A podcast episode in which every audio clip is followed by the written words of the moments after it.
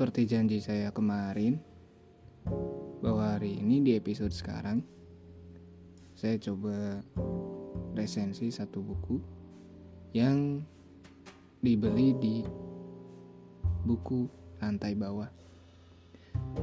Buku ini merupakan karya dari seorang penulis dari Kalimantan, yaitu Sandy Firly.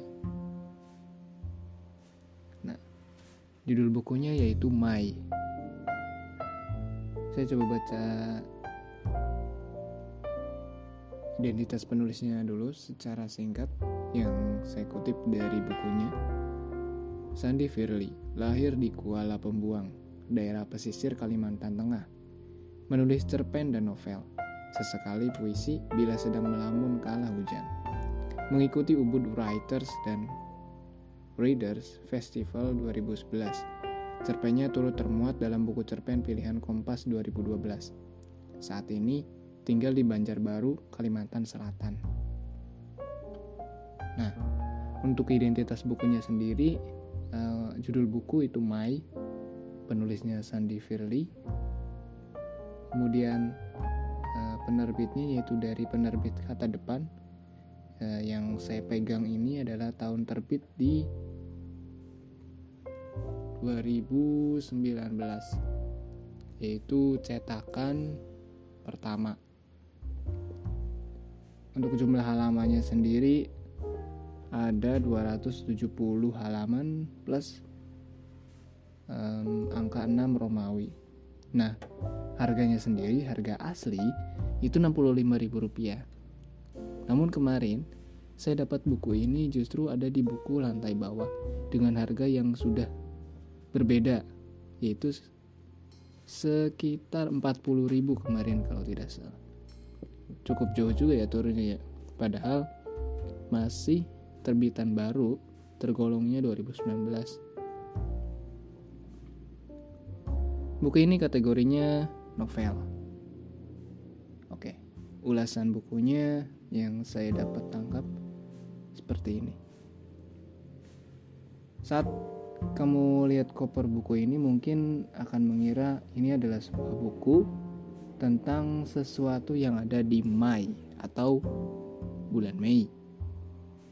Tapi setelah dilihat lebih jelas di desain cover, di bagian huruf A-nya terdapat siluet seorang wanita yang sedang menelungkupkan wajahnya ke, ke lututnya. Saya pikir mungkin wanita ini ada hubungannya dengan Mei atau bulan Mei dan ternyata memang benar ada kaitannya. Mai, sebuah novel kalangan Sandy Firly merupakan salah satu novel yang berangkat dari peristiwa di Banjarmasin. Peristiwa nyata loh ya.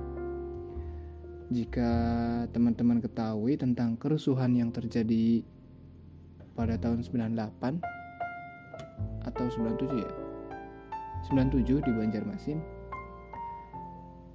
itu terjadi pada tanggal 23 Mei 1997 atau lebih dikenalnya yaitu Jumat Kelabu karena peristiwa ini terjadi setelah sholat Jumat dan kemudian terjadi kerusuhan.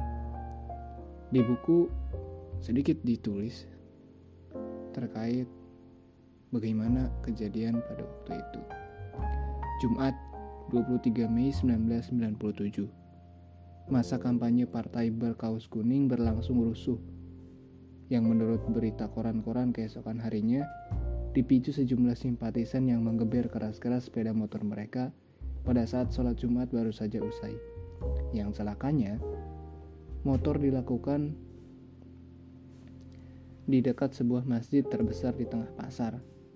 Entah siapa yang memulai, seketika saja mereka yang berkaos kuning menjadi buruan. Mereka dihentikan, dipukuli, dilucuti tak peduli perempuan yang bahkan tak mengenakan lapisan baju dalam sekalipun ditelanjangi.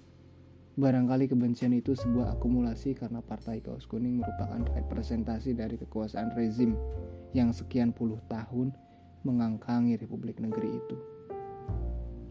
Nah, untuk tokohnya sendiri, di sini yang menjadi tokoh utama adalah Kin. Kin adalah tokoh utama dalam novel yang dibawakan Sandi dalam novelnya ini. Mulanya, Kin adalah seorang penulis yang konon gagal karena tulisan romansanya kurang laku di pasaran. Meskipun ada yang membeli tulisannya, namun tak seberapa. Kritik dari kritikus sastra justru lebih menyakitkan. Ia pun dicap penulis gagal. Menghindari kekalutan itu, Kin pergi ke Banjarmasin untuk mencari sebuah tempat baru. Harapannya, ia dapat menulis dengan lebih baik, dengan lebih fresh. Kemudian ia tiba di sebuah pelabuhan yang mendaratkan kakinya di kota itu. Kota yang menurutnya cukup sunyi, meski ramai orang lalu lalang, namun sepi. Di dekat pelabuhan, Kin menemukan sebuah kedai yang tidak terlalu ramai, namun setidaknya cukup untuk mencari tempat kala ia lapar. Dan di sinilah ia bertemu dengan Mai, sosok wanita yang tidak terlalu banyak cakap dan suka sekali membaca buku. Terlihat dari kelakuannya yang begitu fokus ketika memegang sebuah buku. Di kedai ini pula, Kin menetap untuk sementara tinggal. Kedatangannya kali ini di kota baru menghadirkan sejumlah cerita baru untuk Kin. Beberapa hari ia tinggal, ia menyadari beberapa hal, bahwa ada pengunjung tetap yang selalu datang saban menjelang dini hari. Mereka berjumlah empat orang. Ada pak tua yang kehilangan anak dalam huru hara, perempuan dewasa istri pengusaha batu bara, pemuda patah hati, dan seorang lelaki yang selalu menutup kepalanya dengan topinya yang besar. Keempat orang pengunjung setiap kedai ini seolah memiliki kisah mereka masing-masing. Suatu ketika, Kin diberitahu sesuatu tentang mereka. Tentunya oleh Mai. Entah benar atau tidak, apa yang dikatakan oleh Mai seolah menjelma jadi bahan bakar Kin untuk menulis. Entah apa yang diberitahukan dia lewat bisik-bisik. Yang pasti, selepas mendengar sedikit cerita dari Mai, Kin langsung menuliskan kembali di mesin ketik yang ia bawa. Tentunya dengan alur cerita yang ia sesuaikan dengan alur pikirannya. Dan sepertinya, tulisan yang Kin buat bukanlah tentang novel picisan yang memuat kisah-kisah romantis. Justru, ini jauh dari itu, kelam. Tiap orang yang Mai dan Kin tuturkan seolah memiliki keterkaitan satu sama lain. Entah hanya spekulasi atau memang begitu kenyataannya. Yang jelas, ketika Kim baru saja selesai menuliskan cerita yang ia tulis, beberapa hari atau jam kemudian, apa yang ia tulis menjadi sebuah kenyataan. Entah apa penyebabnya, pasti selalu seperti itu. Dalam tulisan resensi lain, katanya sosok Mai ini justru yang menjadi kunci dari tiap peristiwa yang terjadi. Bisa saja dia yang mengatur segalanya sesuai dengan apa yang ingin. Bisa dikatakan memanipulasi Kin namun yang pasti, pembaca harus jeli dengan penjelasan tiap babnya, karena akan ada korelasinya satu sama lain. Bisa ditandai atau diingat-ingat. Ya meski begitu di akhir cerita pembaca dalam hal ini saya merasa bahwa cerita ini seperti tidak menemui akhir. Justru malah terkesan baru memulai cerita yang sebenarnya.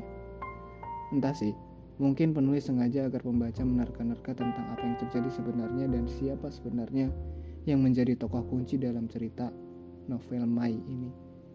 Dan meskipun disangkut pautan dengan sejarah kelam di Banjarmasin, itu hanya seperti pelengkap cerita saja yang sebenarnya terpusat di kedai yang Kin dan Mai sering bertemu atau berbincang. Selebihnya, cerita ini akan membawa pembaca pada suasana yang cukup menarik perasaan dan kadang membingungkan. ya, kayak gitulah. Intinya uh, novel ini bukanlah sebuah novel yang Kin sebelumnya tulis itu tentang percintaan romantis. Justru di sini yang dapat Kin tuliskan sebaliknya. Dan justru ini membuat Kin sendiri bingung. Dan penulis pembaca pun ikut bingung gitu. Jadi seperti yang dikatakan di awal gitu. Jadi ketika baca buku ini tuh kayak baca buku di dalam buku atau membaca novel dalam novel. Karena kita membaca buku Mai, tokohnya Kin, kemudian Kin menulis sebuah cerita yang isinya adalah tokoh lain. Jadi seolah kita masuk ke dalam beberapa cerita dalam satu buku itu. Kayak gitu sih. Nah, Ya, untuk melengkapi ini dari resensi tadi, saya coba kutip beberapa kalimat yang ada di dalam buku yang cukup menarik. Sebentar, saya cari dulu. Nah, ini dia. Ini ucapan seorang gadis kedai. Aku juga tahu, gadis kedai menimpali. Jauh di lubuk hati kita masing-masing, kita adalah orang-orang kesepian. Perbincangan, canda dan tawa hanyalah jeda dari saat hanyalah jeda dari rasa set, dari rasa sepi itu. Pun derita yang dalam, seperti luka yang tak pernah kering. Waktu layaknya angin yang meniup luka itu agar pedihnya tak menjadi nyeri. Wow, ada lagi nih kalimat yang cukup menarik untuk dibacakan. Ini adalah ucapan dari seorang pemuda berdasi. Jangan menyerah kawan, tak ada yang salah dengan cinta. Ini hanya soal hati. Seringkali kita salah mengira hati yang disangka kuat ternyata begitu rapuh di hadapan cinta. Wah, ada lagi. Ya mungkin ini jadi penutup untuk resensi pada buku ini yang mana karena novel ini lebih dari tulisan Kin yang sebelumnya itu tentang percintaan yang romantis dalam buku pernah disanggah oleh si Mai bahwasanya hidup ini dramatis, hidup ini menyakitkan. Namun Kin menimpali dengan kalimat seperti ini. Bila dalam kenyataannya kita tidak pernah bahagia, setidaknya kita bisa membuatnya bahagia di dalam novel. Cukup sekian resensinya. Sampai ketemu di episode selanjutnya.